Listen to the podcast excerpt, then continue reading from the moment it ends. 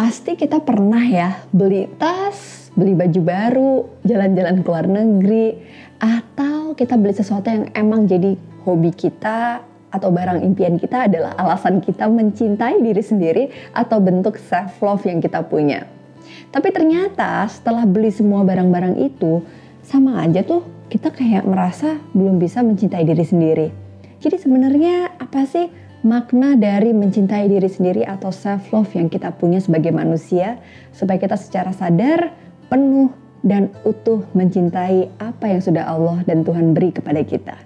Oke, kembali lagi bareng saya Analisa di Analisa Channel dan kali ini aku pengen ngebahas tentang sesuatu yang paling banyak request dari semua netizen yang subscribe channel ini, kemudian yang uh, follow Instagram APDC dan follow Instagram aku juga gitu kan.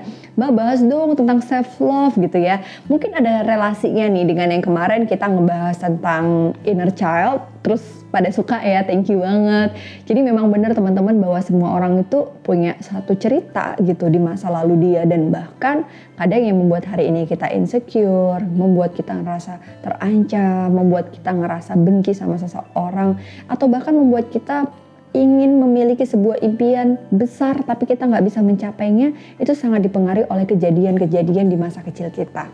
Nah salah satu cara kita untuk dealing sama semua itu adalah dengan merasa cinta dan sayang sama hati dan juga diri sendiri.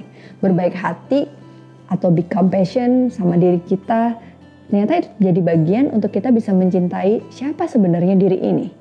Oke, okay, aku akan ngebahas tentang self love teman-teman.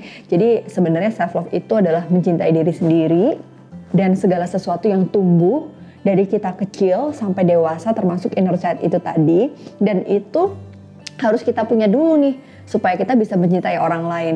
Contoh nih ya misalnya, kalau kita punya pasangan yang mencintai kita, tapi kita nggak mencintai diri sendiri, maka semua pujian dia itu merasa tidak jadi ada artinya kalau misalnya tipikal pasangan kita itu yang sukanya memuji fisik nih. Kamu cantik banget sayang. Tapi kita nggak pernah merasa cantik. Maka pujian itu nggak akan jadi cukup untuk kita bisa merasa nyaman sama diri kita. Ah masa sih aku cantik? Enggak, aku tuh gendutan deh. Aku tuh pipinya cabai deh.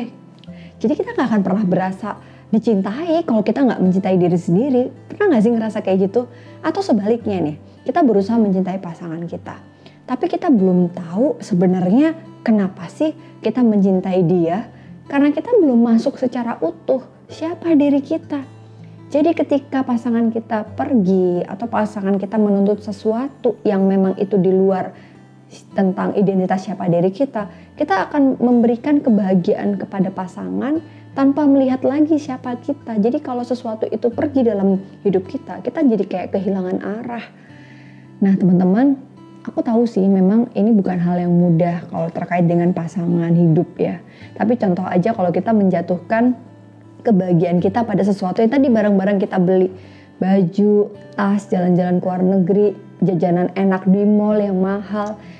Kalau kita menjatuhkan kebahagiaan kita atas sesuatu di luar diri kita, maka kita nggak akan bisa benar-benar bahagia dan mencintai diri secara utuh dan penuh. Untuk itu kali ini Analisa Channel bakalan ngajakin kalian buat ngebahas secara tuntas di satu series yang seru banget nih. Kita bakalan bikin 7 Days to Self Love yang bakalan terdiri dari 7 series. Nah di series satu ini aku akan ngebahas bahwa self love itu adalah bagian dari kita mencintai diri kita dan pencipta kita. Oke, kenapa sih ini penting teman-teman? Gini nih, selama ini tuh banyak banget yang kayak merasa mana kalau misalnya kita mencintai diri sendiri artinya kita menaruh kepentingan kita di atas orang lain. Jadi egois dong. Nah ini nih yang aku mau luruskan sedikit ya teman-teman ya. Gini, kalau misalnya kita sudah merasa enough sama diri kita maka kita tuh nggak perlu merasa orang lain tuh harus memuji kita. Kita nggak perlu merasa orang lain itu harus menyanjung kita. Dan kita nggak perlu merasa terganggu kalau ada orang lain yang menjatuhkan kita gitu. Artinya kalau kita sudah bisa melakukan uh, rasa menghargai diri kita, kita itu dengan tulus memuji orang lain tanpa berharap dia akan memuji juga. Dan kita akan merasa tulus untuk menjaga ucapan kita tidak melukai orang lain karena kita sudah merasa penuh terhadap diri kita kita nggak mau kita juga dilukai gitu ya dan kita merasa udah cukup Jadi kita nggak rentan untuk dilukai. Jadi kita nggak akan melukai orang lain. Itu artinya kalau kita melihat kok ada ya orang yang jarang memuji orang lain, kok ada ya orang yang sukanya tuh ngasih komentar negatif. Coba lihat lagi dalam hidupnya. Jangan-jangan dia belum bisa mencintai dan menghargai diri, diri dia sendiri. Sehingga menurut dia yang terrefleksi adalah cara berinteraksi dengan orang lain adalah cara interaksi orang lain yang dia dapatkan dalam hidupnya. So, percaya deh teman-teman, kalau kita udah mencintai diri kita secara utuh dan penuh, menghargai kelebihan dan kekurangan kita, kita sudah merasa enough tanpa perlu pengakuan dan uh, penerimaan orang lain yang berlebihan, kita pun akan tulus memberikan pengakuan dan penerimaan kepada orang lain. Ini artinya bukan egois, tapi kita fulfill dulu baru kita mengisi kebahagiaan orang lain. Cobain deh ya, kamu tulis dulu Langkah pertama, apa yang jadi strength kamu, kelebihan yang kamu punya, apa yang menjadi keunikan yang kamu miliki yang orang lain nggak punya, dan apa kebahagiaan yang pernah kamu dapetin. Lalu kemudian ketika kamu sudah memenuhi itu, maka ketika berinteraksi sama orang lain, kamu tidak mengharapkan itu. Jadi kalau kamu memuji semuanya itu secara tulus teman-teman dan relationship itu betul-betul terjadi karena sebuah perasaan yang nggak dipaksakan karena kita sudah penuh dan secara utuh mencintai diri kita. Nah yang kedua ini yang paling banyak ditanya ini. Terus bagaimana cara awal kita mencintai diri sendiri? Cobain teman-teman. Pasti yang membuat hari ini kita merasa nggak cukup adalah tentang kehidupan yang kita punya.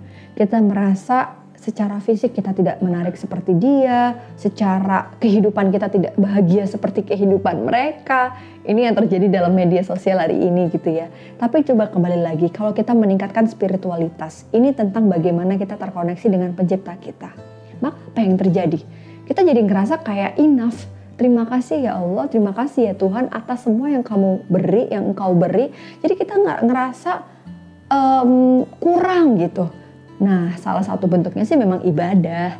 Tapi terlepas dari itu tidak hanya ibadah dan ini semua keyakinan ya teman-teman tidak hanya muslim. Semua keyakinan mengajarkan kita bahwa keyakinan kita itu meminta kita untuk bersyukur kepada semua yang diciptakan oleh pencipta dan bayangkan kalau kamu meningkatkan intensitas kamu untuk terus mencintai penciptamu, maka di situlah kamu akan merasa hidup kamu sudah sangat dikelilingi oleh cinta terhadap diri sendiri dan juga dicintai oleh penciptamu. Jadi ini adalah salah satu bentuk self love yang paling fondasi, yang paling fundamental sebelum kamu belajar mencintai yang lain. Cintai siapa penciptamu. Oke teman-teman, ini dulu seri 1. Aku bakal lanjutin di series kedua. Tapi kalau kamu suka sama konten ini, kamu bisa sebarin sebanyak-banyaknya. Kamu bisa subscribe dulu channel ini. Dan thank you banget ya, ini udah 300 ribu followers. Eh sorry, subscribers.